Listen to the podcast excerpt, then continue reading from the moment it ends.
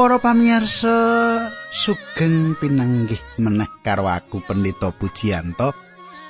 Ana ing adicara margi utami adicara kang wis panjenengan enteni. Kepiye kabare panjenengan kabeh? Apa panjenengan apik-apik kabeh? Adicara iki panjenengan pirsa iki mirunggan kanggo panjenengan sing seneng gegilut pangandikani Gusti, seneng sinau pangandikani Gusti. Lan monggo panjenengan ngenteni monggo panjenengan nyerak karo aku kene lan aku bakal mbabarake kayektene. Dawuh pangandikane Gusti supaya panjenengan itu berkah kekuatan ngadepi urip ana ing jagat iki. Sugeng midhangetake adicara iki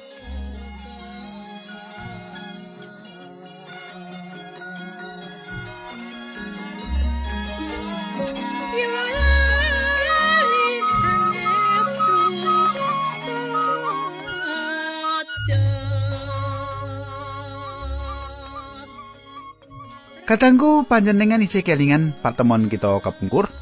Ing patemon kita kepungkur Gusti Yesus ngendika gegayutan karo kasusan gedhe kang bakal teka ing akhir jaman. Gusti Yesus uga ngelingake supaya kita tansah jaga-jaga banjur kepiye crita sabanyure. Kita bakal nyemak ana ing patemon kita dina iki nanging sadurunge aku bakal ngaturake salam kanggo Bapak Sarkawi, Bapak Sarkawi ana pemukiman transmigrasi. Waduh iki yo. Aduh. Kebenaran bisa ngrungokake radio kita iki mbok menawa lagi mlaku-mlaku apa piye ngono ora ngerti ya. Nah, muga-muga Pak Sarkawi bebarengan karo awake dhewe ana ing adicara margi utami iki. Lah saiki sadurunge tak teruske, ayo padha tumungkul kita ndedonga sesarengan. Duh Gusti Allah kang Maha Asih, kawula ngaturaken gunging panuwun menawi wekdal menika kawula saged tetunggilan malih. Sasampunipun kawula nindakaken sedaya pakaryan, sedaya kewajiban ingkang sampun paduka bebahaken ing pundak kawula. Kawula nyuwun gunging pangapunten menawi wonten kalepatan kawula angin kawula nindakaken pakaryan-pakaryan ingkang dados tanggung jawab kawula. Dinten menika kawula badhe ngangsu kawruh kasukman saking paduka lumantar pangandikanipun Gusti supados paduka celekaken mripat kawula, mripat rohani kawula supados saestu kawula mangertos babagan kayektosan. Dinambaran asmanipun Gusti Yesus Kristus kawula tunggu haleluya amin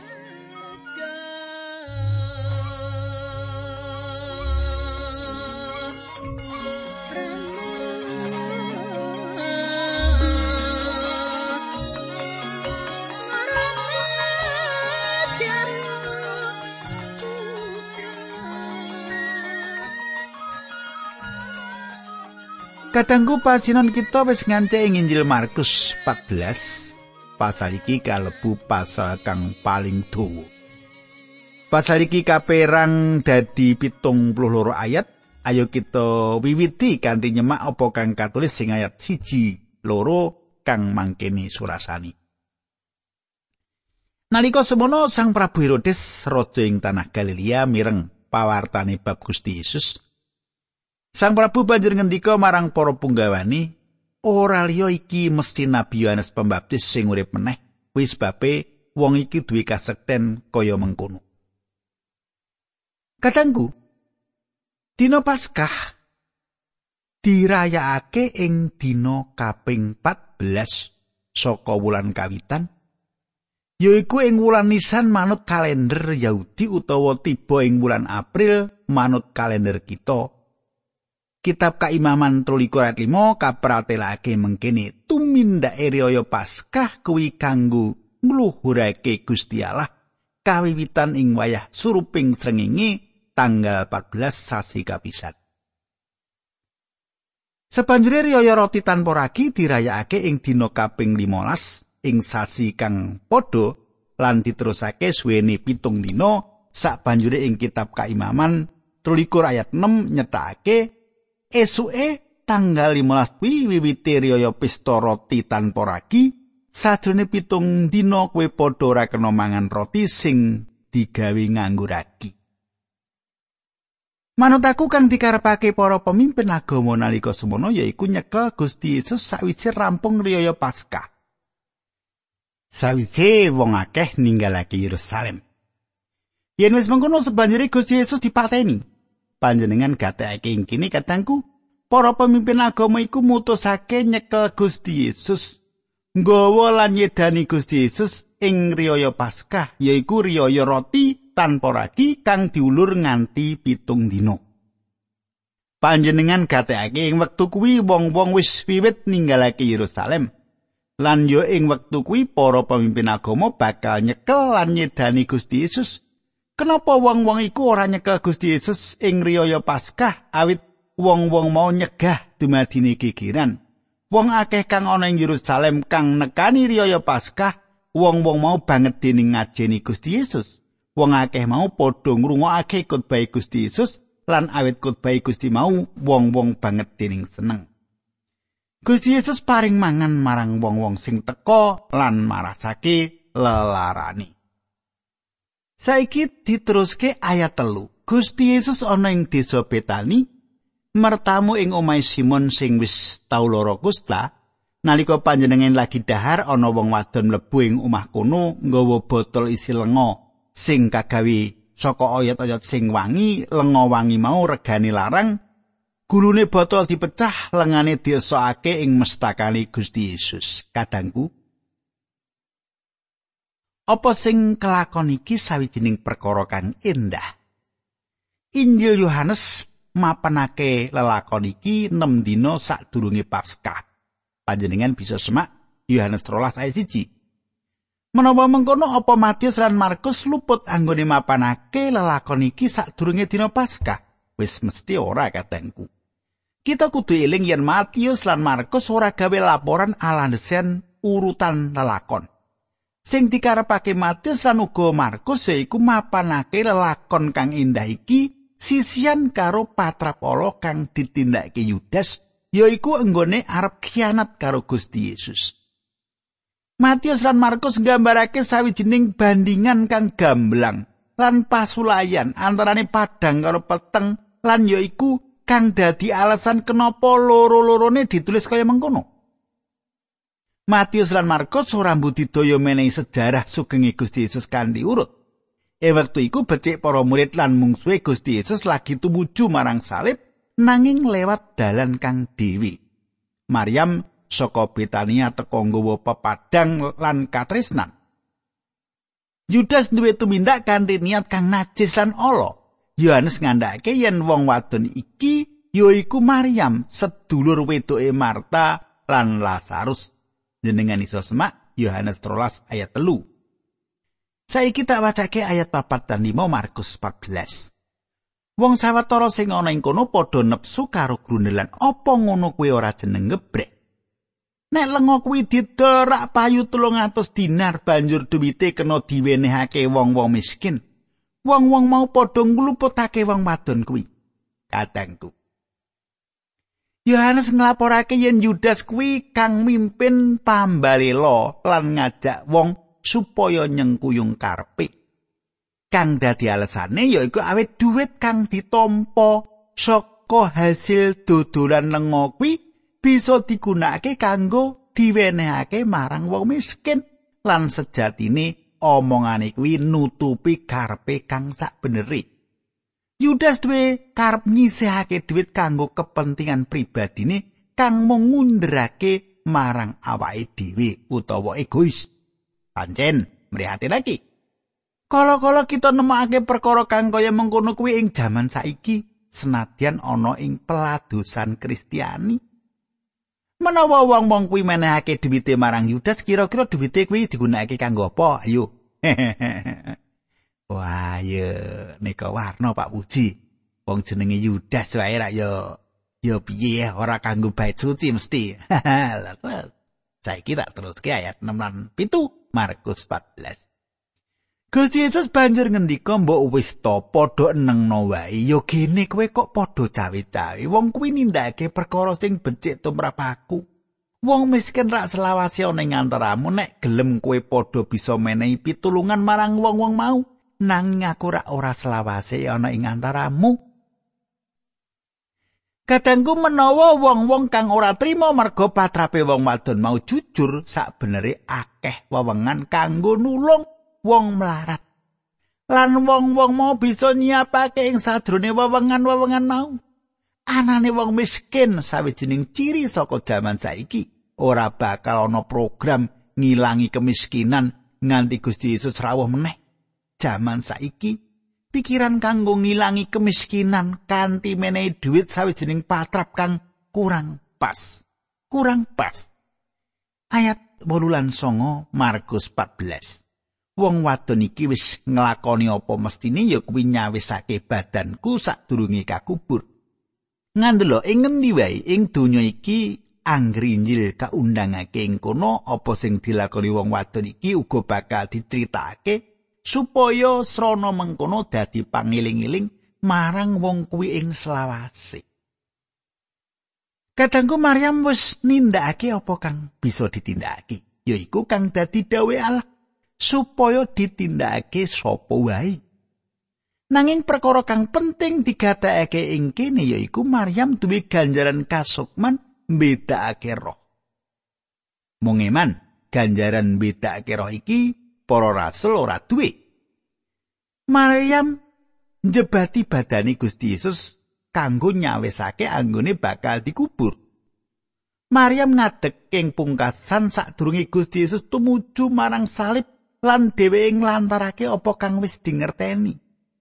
ora ana siji wae saka para rasul kuwi kang mangerti nanging Maryam malah nindakake gondo arum saka botol ngowangi kang dipecahi wektu iku wis dadi sawijining carita kang terus diceritakake nganti pirang-pirang abad dening Sang Roh Suci nganti temeka saiki. Angenan kasangsaran kang bakal lempuh Gusti Yesus wis ana angenane Maryam lan Maryam bener-bener bisa ngerti. Kadangku, apa tau panjenengan mecahake botol kang isi lengon narwastu? Ana ing badani Gusti Yesus nganti gandane wangi bisa dinikmati wong liya lan dadi berkah kanggo wong liya. Menawa sawetara wong mecahake botol isi lengo wangi, patrap iku bisa nulungi wong melarat. Nanging kang dadi pitakunan yaiku apa ana umat Allah kang bener-bener wis nindakake apa kang bisa ditindakake? Saiki apa kang ditindakake wong wadon mau wis pas saiki kita nemokake rancangane Yudas kang bakal kianat karo Gusti Yesus. Ayat 10 lan 11. Yudas Iskariot panunggalane para murid rolas nemoni para pangerping imam arep ngulungake Gusti Yesus. Para pangareping imam bareng krungu rancangan Yudas Iskariot mau padha seneng banget lan janji arep menehi dhuwit. Yudas Iskariot banjur golek dalan kepriye bisa ngulungake Gusti Yesus kadangku. Ing ayat iki kita nyemak apa kang ditindakake Yudas ala. Apa kang ditindakake Yudas iku ala. Yudas nuju ngrancang supaya bisa nyedani Gusti Yesus. Rancangan iku kari ngenteni wektu kang pas supaya bisa nindakake pengkhianatan marang Gusti Yesus. Nanging kita semak Gusti Yesus ngrusak rancangan iku. Kita bisa nyemak ing Injil Yohanes 13 ayat 17 Gusti Yesus paring pangandika marang Yudas, apa kang arep kok tindake tindak no inggal. Dadi Yudas kudu enggal-enggal nemoni wong Farisi supaya enggal nindakake rantangane. Wong-wong mau banjur nglumpukake wong kang duwe kalungguhan lan wong-wong mau bakal nyekel Gusti Yesus. Bali menyang Injil Markus, kita nemokake perkara mengkene lan iku disebutake yen Gusti kita nuju nyawisake riyaya Paskah. ayat rolas Markus 14. Nalika semono lagi raya pesta roti tanpa ragi dina sing kapisan. Ing dina kuwi wong padha nyembelih cempe kanggo paskahan. Para murid Gusti Yesus padha matur Gusti ngersakaken kita sami nyawisaken dahar paskah wonten ing pundi? Kadangku ing dina paskah saben wong kudu mangan roti tanpa ragi lan sabanjure sak suwene pitung dina terus mangan roti tanpa ragi kuwi Perkara iki panjenengan bisa nyemak ing kitab pangentasan rolas ayat 14 nganti 20. Ana kene para murid ngati-ati ing sajroning bangun turut hukume Musa. Para murid kepingin ngerti ana ngendi nggone arep mangan roti Paskah lan supaya nggone nindakake kanthi bener. Ing sajroning sawetara jam meneh Gusti Yesus bakal nglaksanani apa to Paskah kuwi. Ayat 13 nganti 14 Markus 14. Gusti Yesus banjur ngutus murid loro didawi mengkene kowe padha menyang kutha? Ana ing kono kowe bakal padha kepethuk karo wong lanang lagi nggawa kendi wong kuwi tutno? Endi omahe sing dileboni sing duwe omah temonana lan kono Gusti ndangu. Endi panggonan sing arep ndak nggo dahar Paskah karo para murid-muridku Kadangku dadi sepisan maneh manut aku perkara iki meratelake saka rasa kamanungsane Gusti Yesus.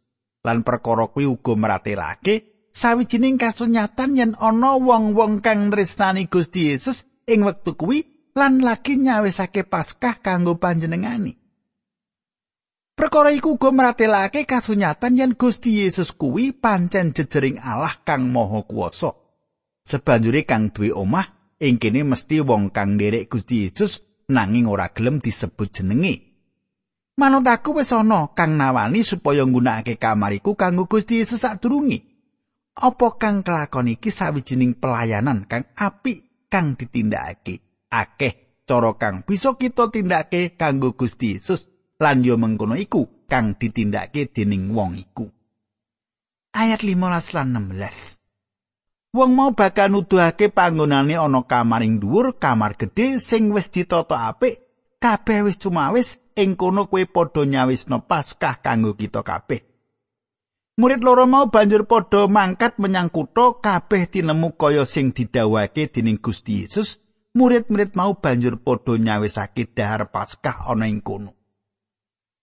Kadangku panjenengan gatekake Gusti Yesus ngrayakake dina Paskah ing omah silian. Mesti wae kamar kuwi wis dicawiske kanggo Gusti Yesus. Dadi wis ana niat sadurunge lan wis dirancang dhisik. Aku ora duwe pikiran yen wong sing duwe omah kuwi diluputake awit. Wong sing duwe omah kuwi ora ana kono ngwisui sikile para murid. Kita kudu ngerti paskah kang ditindakake Gusti Yesus iki paskah kang asipat pribadi.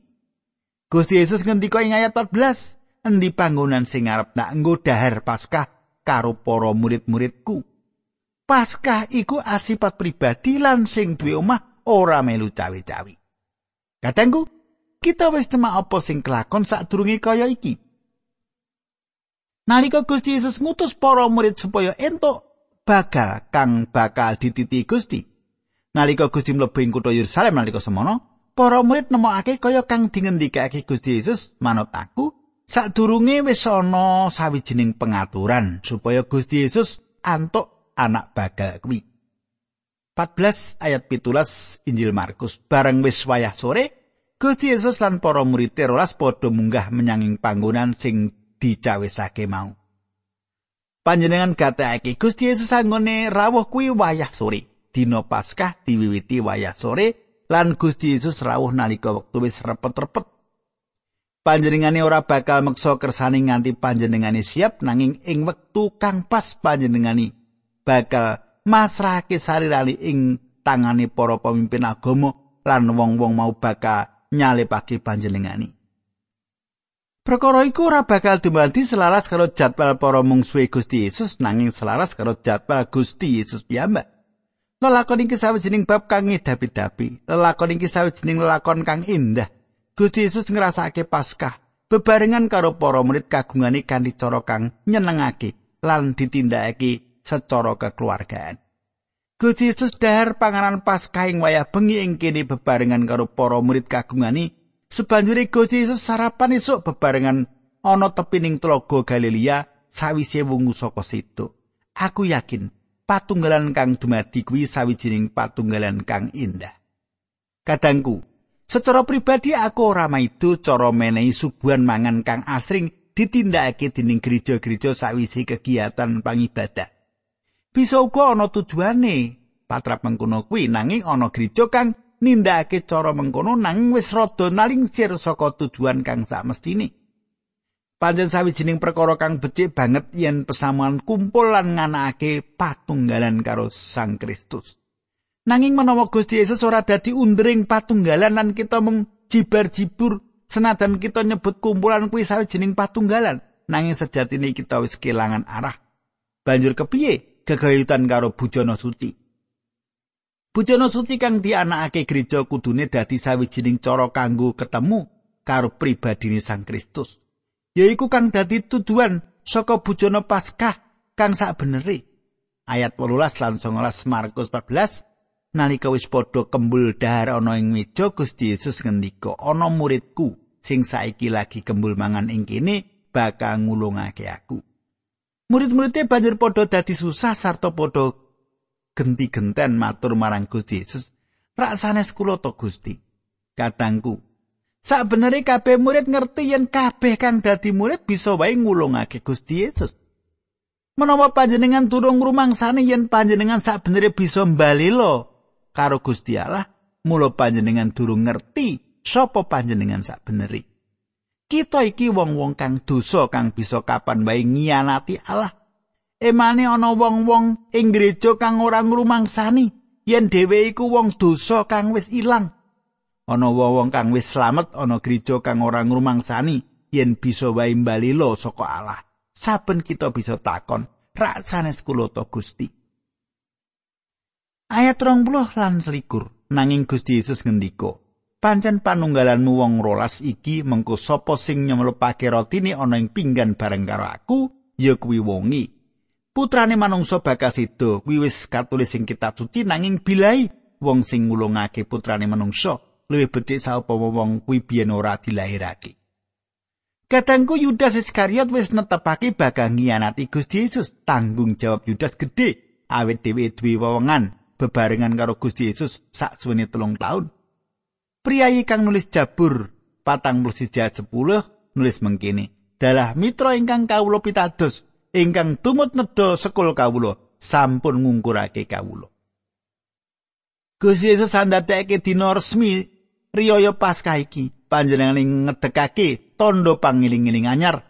Saka bahan kang gampang ilang yaiku roti lan anggur, Paskah wis sumamang ing mangsa kang bakal dilakoni yaiku ing rawe Gusti Yesus Kristus minangka cempe Paskah lan saiki bujana suci nggatekake menah ing sedane roti mratelake bab badane Sang Kristus. Katangku kepiye sebanjuri perangan iki kita bakal nyemak ing ayat-ayat sebanjuri saka Injil Markus iki ing patemon kita candake. Awit saka iku panjenengan aja ngantek orang mirengake. Ayo kita ndedonga. Duh Gusti Allah ingkang masih kawula ngaturaken gunging panuwun menawi samenika kawula sampun mirengaken pangandikan patuko. Kawula nyuwun supados Gusti berkahi kawula sami dinambaran asmanipun Gusti Yesus Kristus kawula tunggu. Haleluya. Amin.